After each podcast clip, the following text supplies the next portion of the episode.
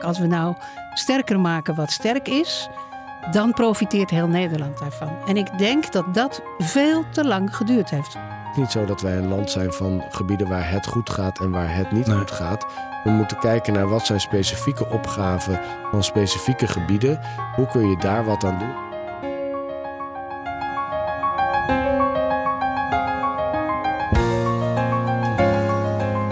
Hoe welvarend is Nederland?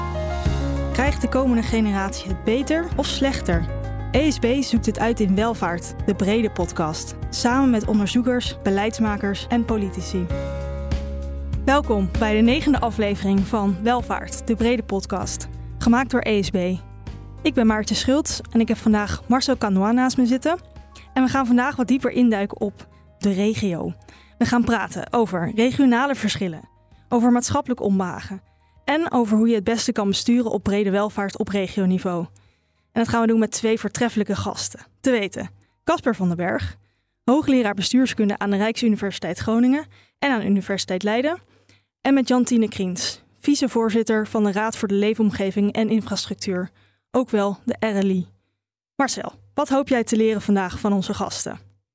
Ja, nou, uh, niet, niet zoveel over dat maatschappelijk onbehagen, want daar is mijn buik een beetje van vol na de verkiezingen. maar uh, wel over die regio's. Uh, het gerucht gaat dat de regio's eigenlijk voorliggen ten opzichte van het Rijk als het gaat om sturen op brede welvaart. Ik wil graag weten wat erachter is, wat erachter zit en uh, wat de verschillen dan tussen regio's zijn.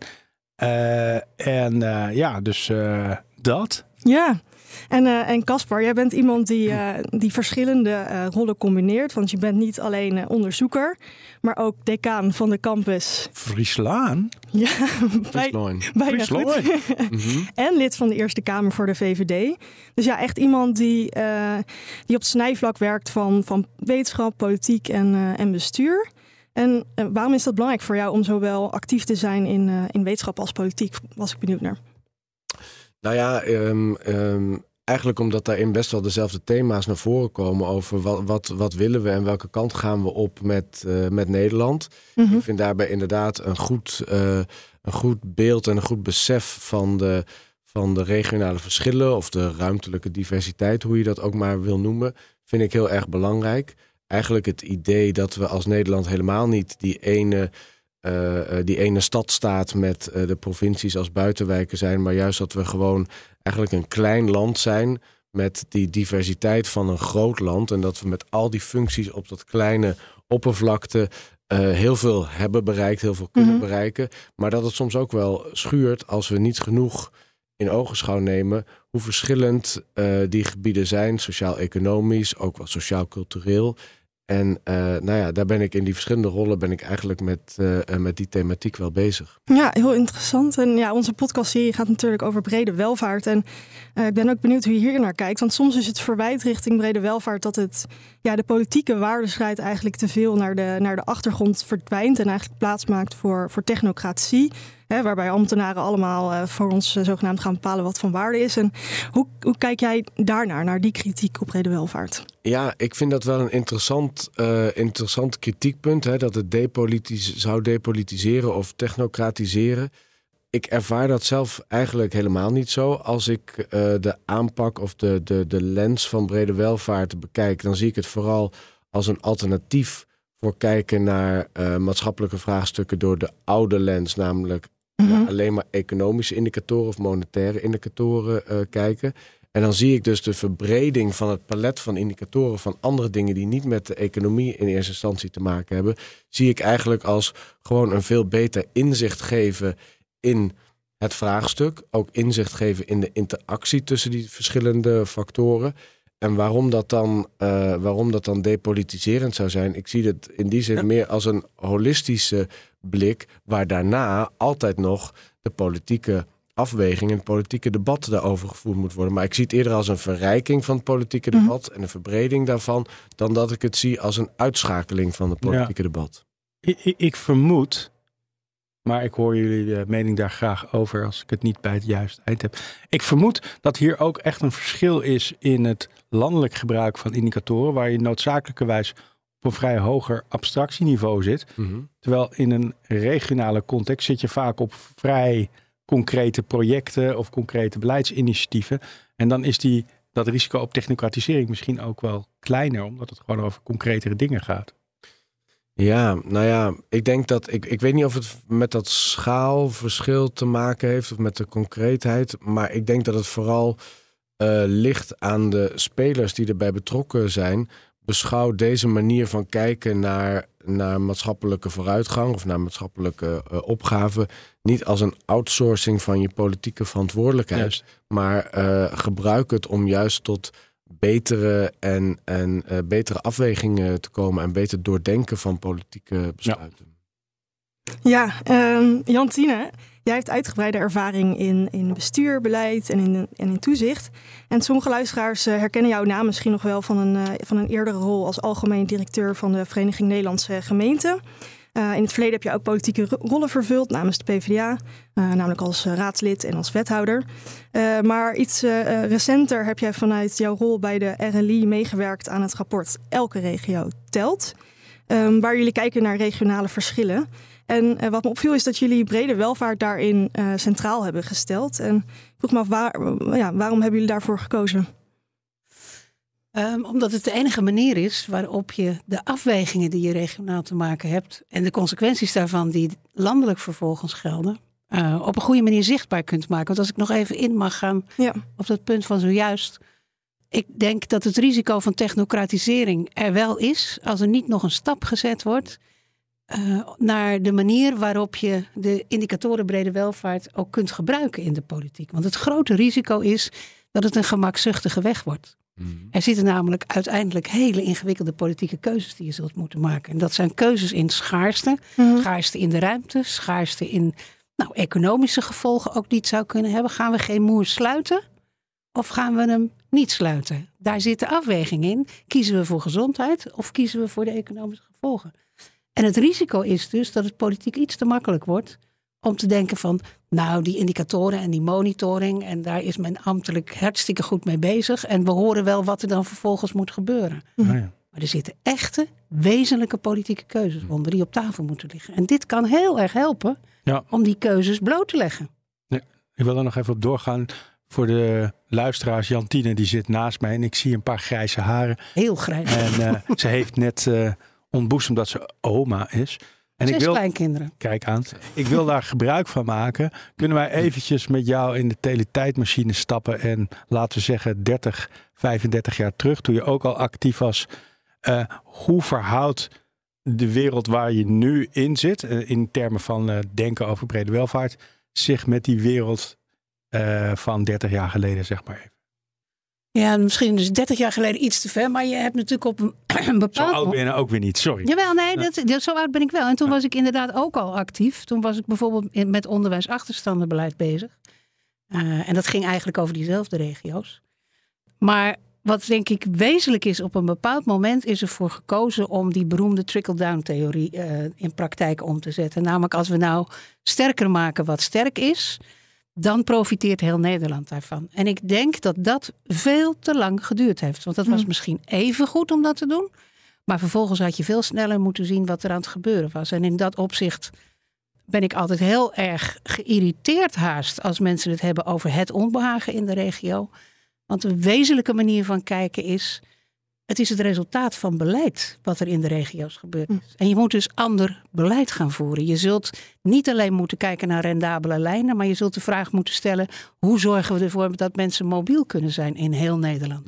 Niet alleen de, de vraag naar uh, uh, uh, welke regels gelden er voor opleidingen in de regio? Want die zouden in de Randstad wel eens veel beperkter kunnen zijn dan dat ze in de, in de regio zouden moeten zijn. En zo zijn er tal van belangrijke keuzes die daarin gaan. Ik zie Caspar uitgebreid knikken tijdens terwijl jij aan het praten was. Ik heb geef hem dat even dus door. bij het lezen van het rapport Elke regio telt hè, van, de drie, uh, van de drie adviesraden vond ik dat een van de hele sterk naar voren komende punten. Dus eigenlijk dat idee van die cumulatie van uh, achterstanden die je in sommige, um, uh, sommige plattelandsgebieden uh, eigenlijk ziet.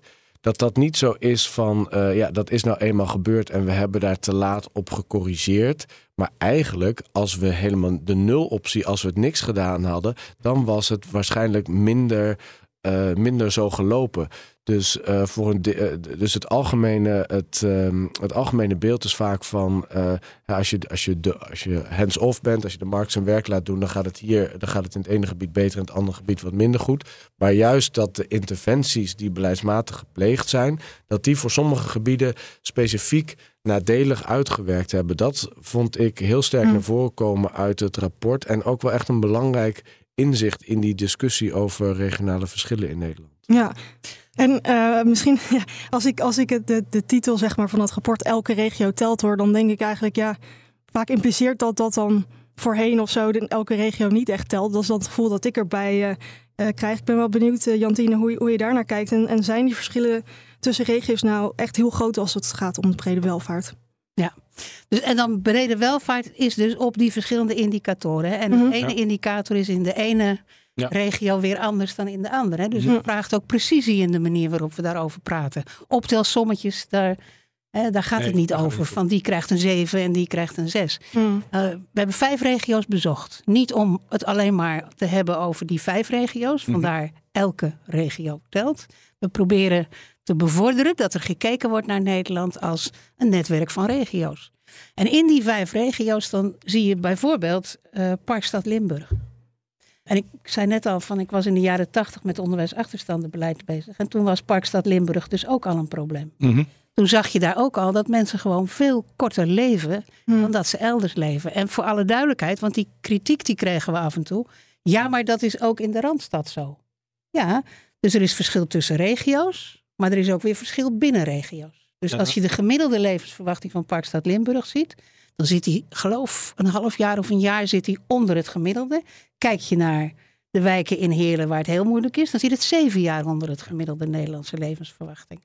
En erger nog, het verschil zit hem in de gezonde jaren. Dus het is niet alleen dat men eerder doodgaat, maar de laatste tien, hm. zeven jaar wat mensen leven, zijn ze dus ook veel ongezonder. Ja, ik heb daar nog wel een paar vraagjes over.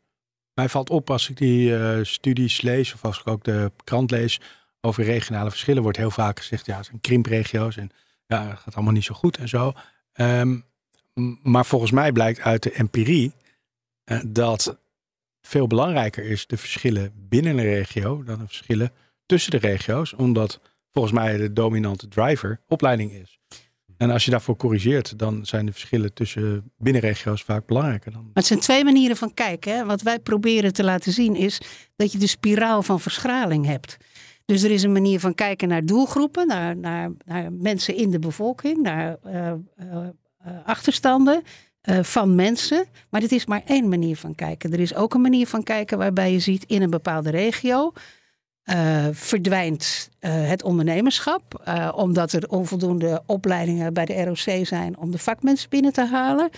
zegt de huisarts van ja, ik ga daar toch echt niet naartoe, want uh, als mijn kinderen hier naar school moeten, dan is de OV-lijn is weg. En dan kunnen ze dus niet naar, naar goed onderwijs gaan. En zo vergrijzing die toeneemt, jongeren die weggaan. En zo zie je dus dat het niet alleen maar een kwestie is van hoe zorgen we ervoor dat mensen beter opgeleid worden en aan het werk komen. Mm -hmm. Maar hoe zorgen we er ook voor dat in die regio mensen mobiel kunnen zijn, mensen elkaar kunnen ontmoeten, waar, waar gewoon de gemeenschap ook zich uh, zijn werk kan doen. Ja, Kasper. Ja, ik vind dat een belangrijk punt wat jij, uh, uh, wat je aansluit. Van zit het er nou, is het nou de geografie? Is het nou gebiedsgebaseerd? Uh, of is het, gaat het vooral om, om individuele kenmerken van mensen? En dat zien we inderdaad als het gaat bijvoorbeeld over gezondheid. Maar ook als je naar um, een variabele dus kijkt, ervaren maatschappelijk onbehagen bijvoorbeeld. Uh, ja, we moeten ook niet vergeten dat we plattelandsgebieden in Nederland hebben die eigenlijk heel welvarend zijn en waar het leven heel goed is. Uh, en je hebt plattelandsgebieden waar je dus die cumulatie van, van achterstanden of zeg maar de onwenselijke statistieken hebt.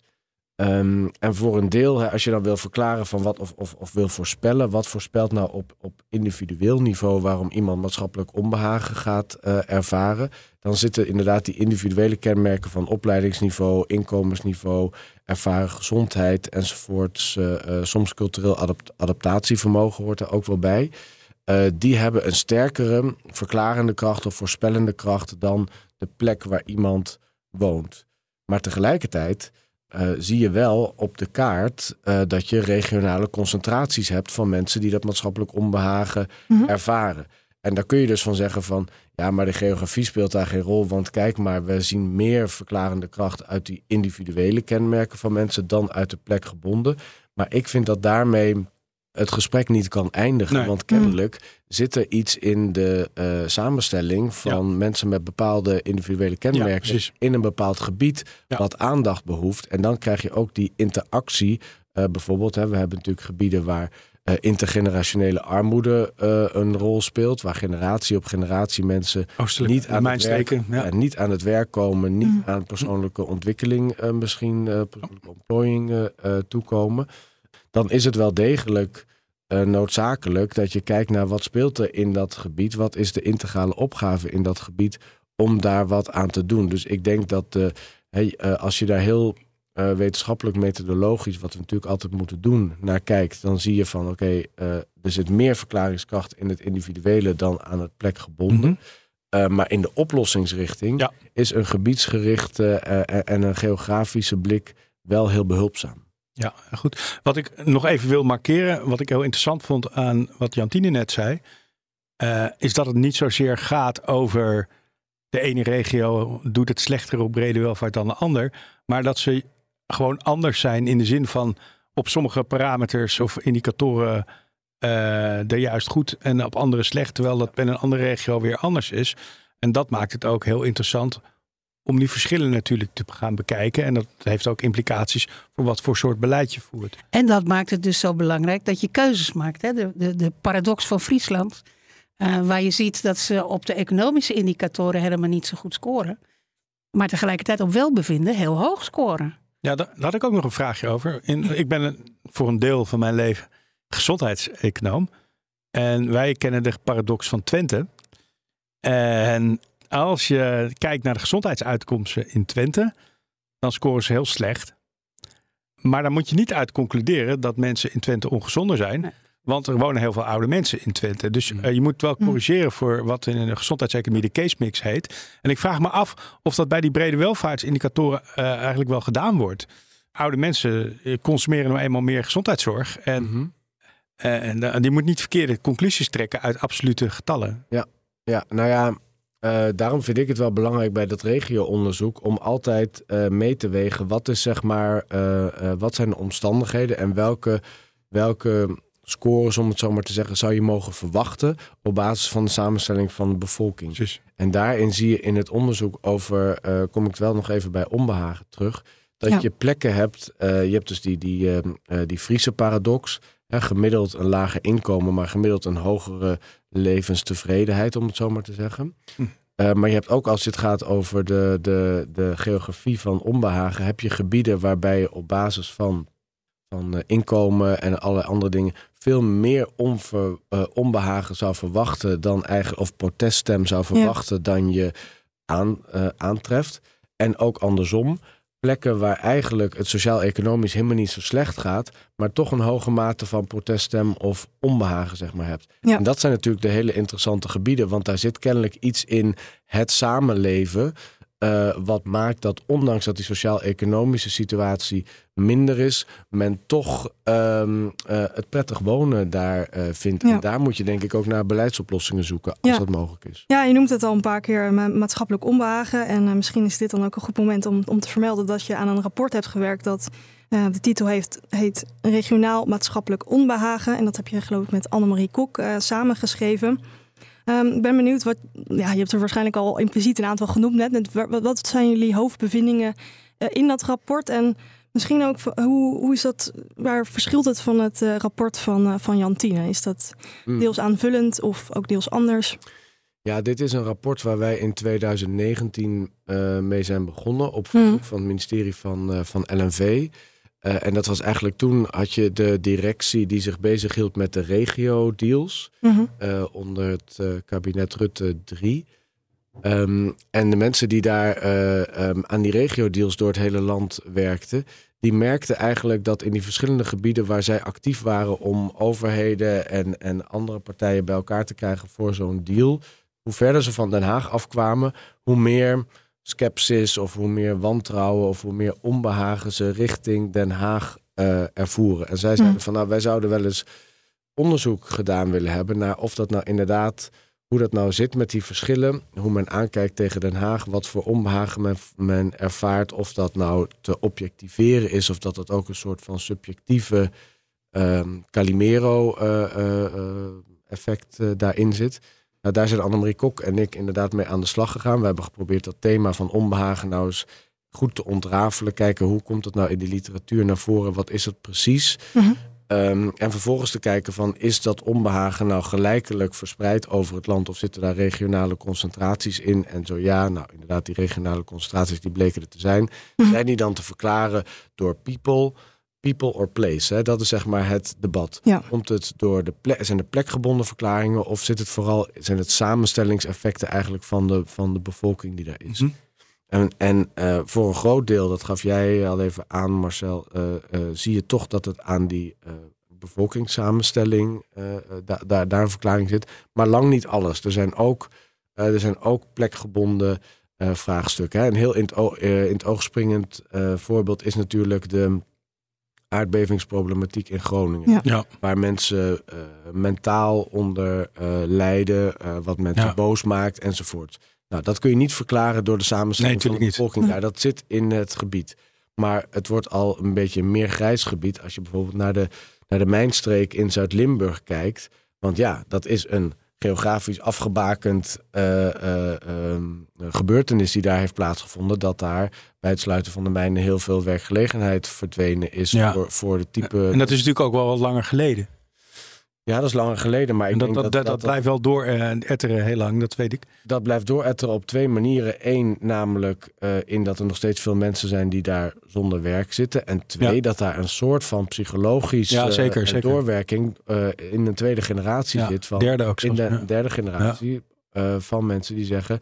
Ja, ehm, de hoge heren in Den Haag die hebben dit toen besloten. Ja, ja. Er is voor ons heel weinig voor in de plek gekomen. Calimero. En wij, en wij worden hier toch wel, ehm, nou niet eens aan ons lot overgelaten, maar door toedoen van hun Mhm. hebben wij het hier nu minder. En Casper, ehm, eh, je had het al, je noemde het al een paar keer maatschappelijk onbehagen. En dan denk ik, ja, over maatschappelijk onbehagen gesproken. We hebben nu een eh, uitslag van de Tweede Kamerverkiezingen waarin de PV PVV eh, ontzettend groot is geworden. Ehm, destijds, eh, tijdens de provinciale eh, statenverkiezingen, toen BBB zo groot was geworden, toen eh, zei in een interview met NRC dat je daar niet zo verrast over was. Onder andere gezien het rurale onbehagen en de verschaling van lokale voorzieningen. Maar ik ben al benieuwd, hoe kijk jij nou met die bril naar de, naar de recente uitslag? Want is het dan niet gewoon breder gedeeld maatschappelijk Mhm. onbehagen dan alleen ja, stad eh versus platteland? Eh, nou ja, ik denk dat het antwoord op die vraag eigenlijk nog veel verder teruggaat. Hè? Als we teruggaan naar de opkomst van Pim Fortuyn in 2001, 2002. Wat eigenlijk voor mijn gevoel in elk geval de, de begin van de huidige golf van maatschappelijk onbehagen Ja. was. eh, zag je dat hij in staat bleek om eh, mensen te mobiliseren eh, op zijn ticket van destijds. Vooral gericht op onbehagen dat bij mensen leefde in oude stadswijken, om het zo maar te zeggen. Dat ging deels, dat ging minder over migratie, meer over integratie. Mhm. Eh, over wat hij be- probeerde te benoemen als de schaduwkanten van de multiculturele samenleving.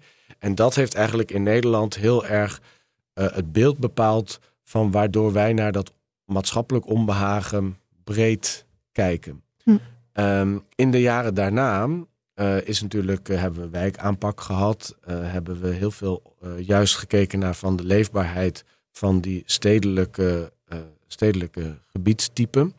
Maar eigenlijk als we kijken naar waar sinds 2012 ongeveer de groei zit van mensen die maatschappelijk onbehagen ervaren of die dat door middel van stemmen op protestpartijen tot uiting brengen, dan zit die groei niet zo in, de, in die stedelijke gebieden, maar die zit hem vooral aan de randen van het land, de gebieden die in elke regio telt Hmm. onderzocht worden.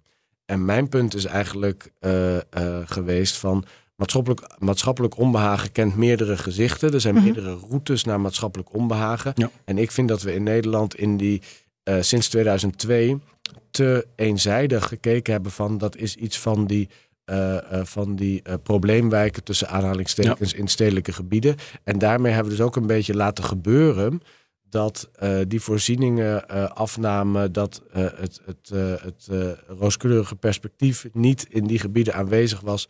En is, zijn die gebieden aan de randen van het land een beetje een blinde vlek geworden. Hm. Nou, even heel snel terugkomend op, die, op dat kiesgedrag nu. Caroline van der Plas met haar BBB wist dat type onbehagen te unleashen, om het zo maar te zeggen. Eh, en dat wil niet zeggen dat alleen maar mensen in die eh, gebieden aan de randen van het land op haar gestemd hebben. Maar Want wel veel. campagne krijg je natuurlijk een vliegwiel-effect. In die laatste paar weken van de campagne gingen ook mensen in Utrecht en ook mensen in Amsterdam op haar stemmen. Hm. Ehm, en in deze verkiezing heb je nog steeds, ja, je ziet gewoon dat segment van Nederland dat een beetje op drift is, dat ontevreden is, dat somber is over de toekomst. En die hoppen van ene heiland naar de andere. En de twee, eh, eh, in de afgelopen paar jaar is dat dus Hm. een beetje eh, eh, op het ticket van ruraal Ja. onbehagen geweest. Maar er zijn meerdere typen onbehagen. Ja, nu maar hopen dat het heiland een eiland blijft. Maar eh, we gaan nu stoppen met de verkiezingen en, de, Nou, misschien en, is en het maatschappelijk onbehagen. Als het goed is, maar is toch, want ik was Ja. namelijk raadslid in die periode Fortuin. Oké. En ik was voor de Partij van de Arbeid in die periode Mhm. Fortuin. En werd geconfronteerd met ineens vanuit het helemaal niets 17 zetels voor Leefbaar Rotterdam. Ja, ja. En als ik één ding geleerd heb, dan is het praat gewoon met elkaar. Ja, ja, ja, zeker. Praat gewoon met elkaar. Want dan zie je dus dat, kijk, je moet benoemen wat racistisch is. Ja. Je moet benoemen wat fascistisch is. Ja. Maar je moet dat niet leggen op de mensen die erop gekozen hebben. Je moet het Nee. ook niet leggen op de mensen die nu in de Kamer komen. Nee, zeker niet. Nee, nee, En het mooie van democratie is dan, als je uiteindelijk dat gesprek voert, aan het eind van die vier jaar, had ik heel erg het gevoel, we staan bij elkaar voor die stad. ja. We maar- zijn, we zijn, een, eh, we zijn ook een, een- natuurlijk een economie-podcast. Dus eh, misschien nog één klein vraagje Ja. voordat ik het woord aan Masro geef, die ook heel graag iets wil zeggen, zie Nee, ik. dat, ik wil niet zo graag wat zeggen, maar ik wil even het, het onderwerp verleggen Ja. naar waar we hier voor zitten. En eh, het is, de verleiding is natuurlijk heel groot om eh, heel lang over verkiezingen te gaan. Nee, ik wil het niet per se over de verkiezing, maar meer eh, is er, komt het ook voort uit, is er ook economisch onbehagen? Ehm, Caspar, is, dat, is dat ook een, een belangrijk verklarende factor? Nou, dat is een, eh, dat is een goede vraag. Als je naar kaartjes kijkt over eh, eh, regionaal bruto product, of als je naar kaartjes kijkt over ehm, ehm, inkomen per huishouden of per, per capita, dan zie je natuurlijk heel duidelijk waar in Nederland het geld verdiend wordt en waar in Nederland in mindere mate het geld verdiend wordt. En dat komt best wel overeen met gevoelens van ehm, eh, niet goed gehoord worden, eh, minder investeringen in die gebieden enzovoorts. Dus ik weet niet of daar een, eh, ehm, een, een direct oorzakelijk eh, verband in zit, maar je Hm. ziet daar wel een duidelijke overeenkomst in. En wat ik het mooie aan het kijken door de bril van brede welvaart vind, is dat in vergelijking met die kaart die we allemaal kennen, waar dan het een beetje donker is in het randstedelijk gebied en naarmate je daar verder vanaf komt steeds lichter wordt, Mhm. zie je bij brede welvaart inderdaad. Je hebt gewoon verschillende typen gebieden in Nederland. En in het ene gebied is ehm, eh, veiligheid en eh, eh, woontevredenheid het grote issue. En in het andere gebied zijn veiligheid en woont- woontevredenheid heel Ja. goed. En is juist economie en toegang tot voorzieningen een groot issue. En ik vind dat belangrijk, of tenminste, ik vind een van de voordelen van door brede welvaart kijken. Ehm, dat je daarin een wat meer gelijkwaardigheid in die discussie ook krijgt. Hm. Het is niet zo dat wij een land zijn van gebieden waar het goed gaat en waar het niet Nee. goed gaat. We moeten kijken naar wat zijn specifieke opgaven van specifieke gebieden. Hoe kun je daar wat aan doen? En hoe kun je misschien ook een bepaalde wederkerigheid tussen die gebieden met elk hun eigen opgave tot stand brengen? We gaan zo, we gaan zo door op eh, de vraag van Sarah. Dat is voor de luisteraars inmiddels een bekend eh, fenomeen. Voor jullie misschien niet. Dat, we hebben eh, eh, Sarah en die stelt elke aflevering stelt ze een vraag aan jullie allebei. Maar voordat we dat eh, gaan doen, heb ik nog één ander vraagje. In relatie met regio's en brede welvaart. En dat is dit. Als ik in Den Haag kom, en, politiek Den Haag, dan valt mij vaak op als je zegt van ja, we moeten bijvoorbeeld een experiment in Groningen doen, want dit en dat. Dan, dan schiet men heel vaak in de kramp van, oh nee, maar dat is rechtsongelijkheid. Het mag toch niet zo zijn dat ze in Groningen iets krijgen wat ze in Maastricht niet krijgen, of omgekeerd. En ik merk aan jullie, uh, als je het over brede welvaart hebt, dat die brede welvaart ook misschien mogelijkheden biedt om een beetje dit, dit soort uh, krampjes te, te, doorbreken. Hoe zie jij dat, Jantien? Ja, ik ben het daar ontzettend mee eens.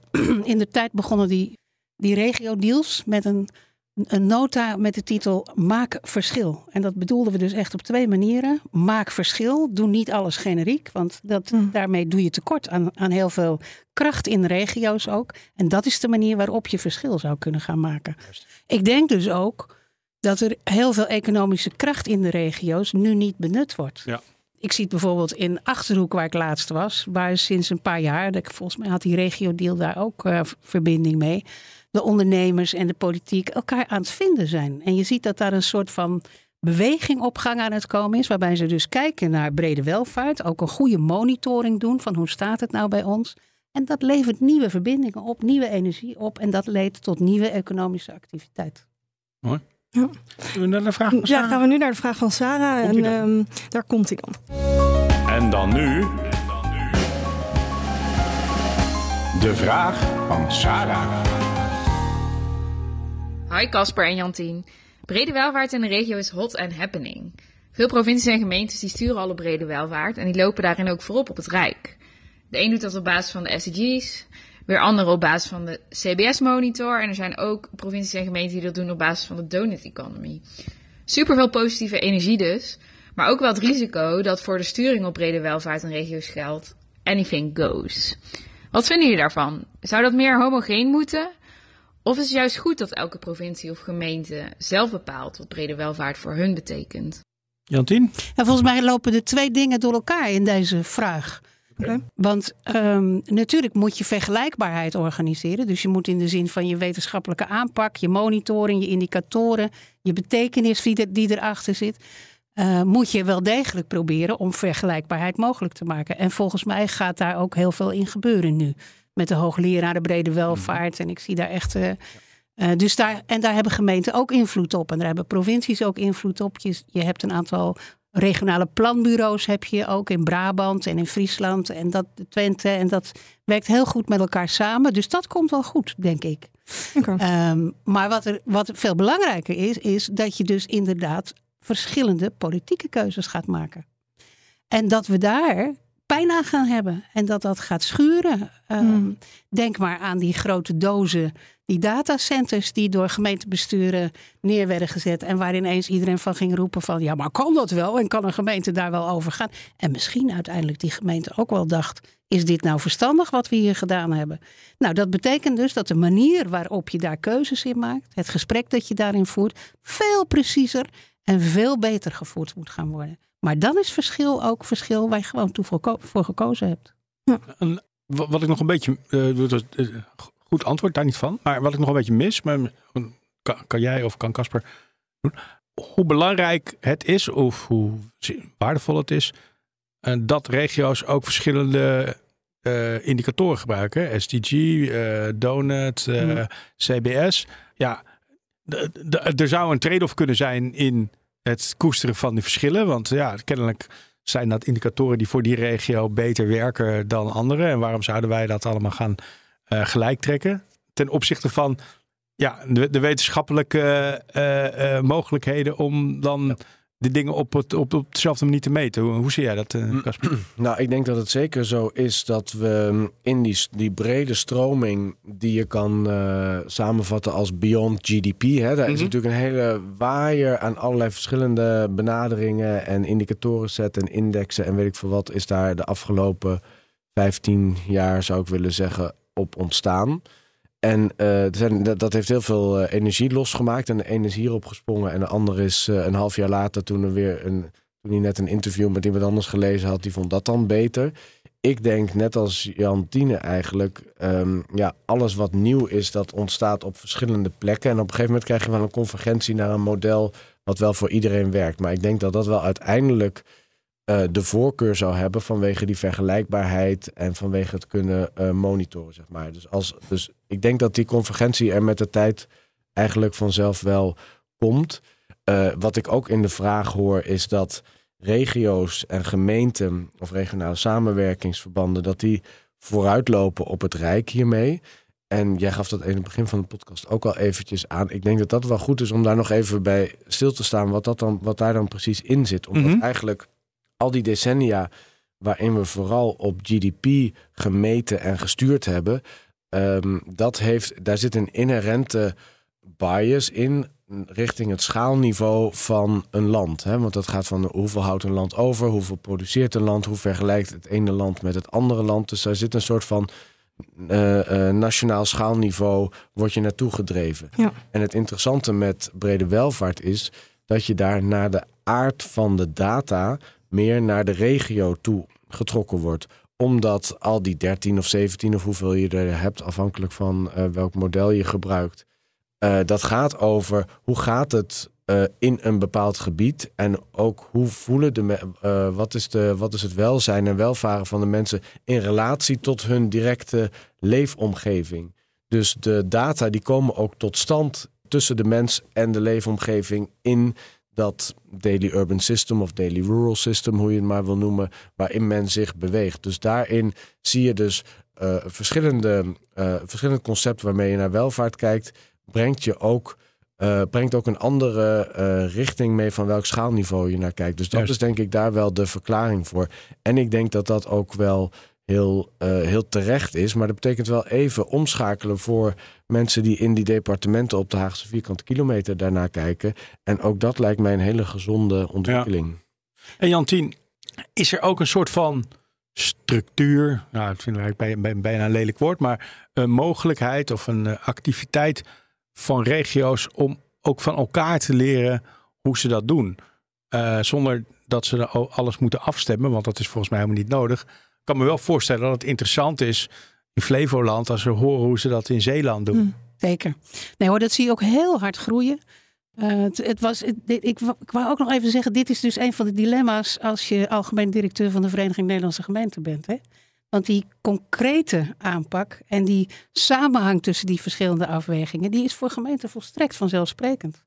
En als je dan als VNG bij het Rijk komt, dan moet je je dus gaan verplaatsen in die economische theorie die eronder zit, in al die verschillende departementen die allemaal hun eigen ding willen. Eh, dat is voor gemeenten ongelooflijk ingewikkeld. Je, Mhm. je zit in een. eh, dus ik hoop dat het wat dat betreft ook gaat helpen. En die Vereniging Nederlandse Gemeenten is voor een deel al jaren een structuur. Hè. Die, die, die zijn al jaren bezig om op congressen het hebben over brede welvaart enzovoort. En wat je nu ziet is dat die regio's elkaar ook aan het vinden zijn via de regio-deals. Dat van daaruit weer die, die regionale planbureaus elkaar aan het vinden zijn. Er is een heel netwerk brede welvaart op het ogenblik.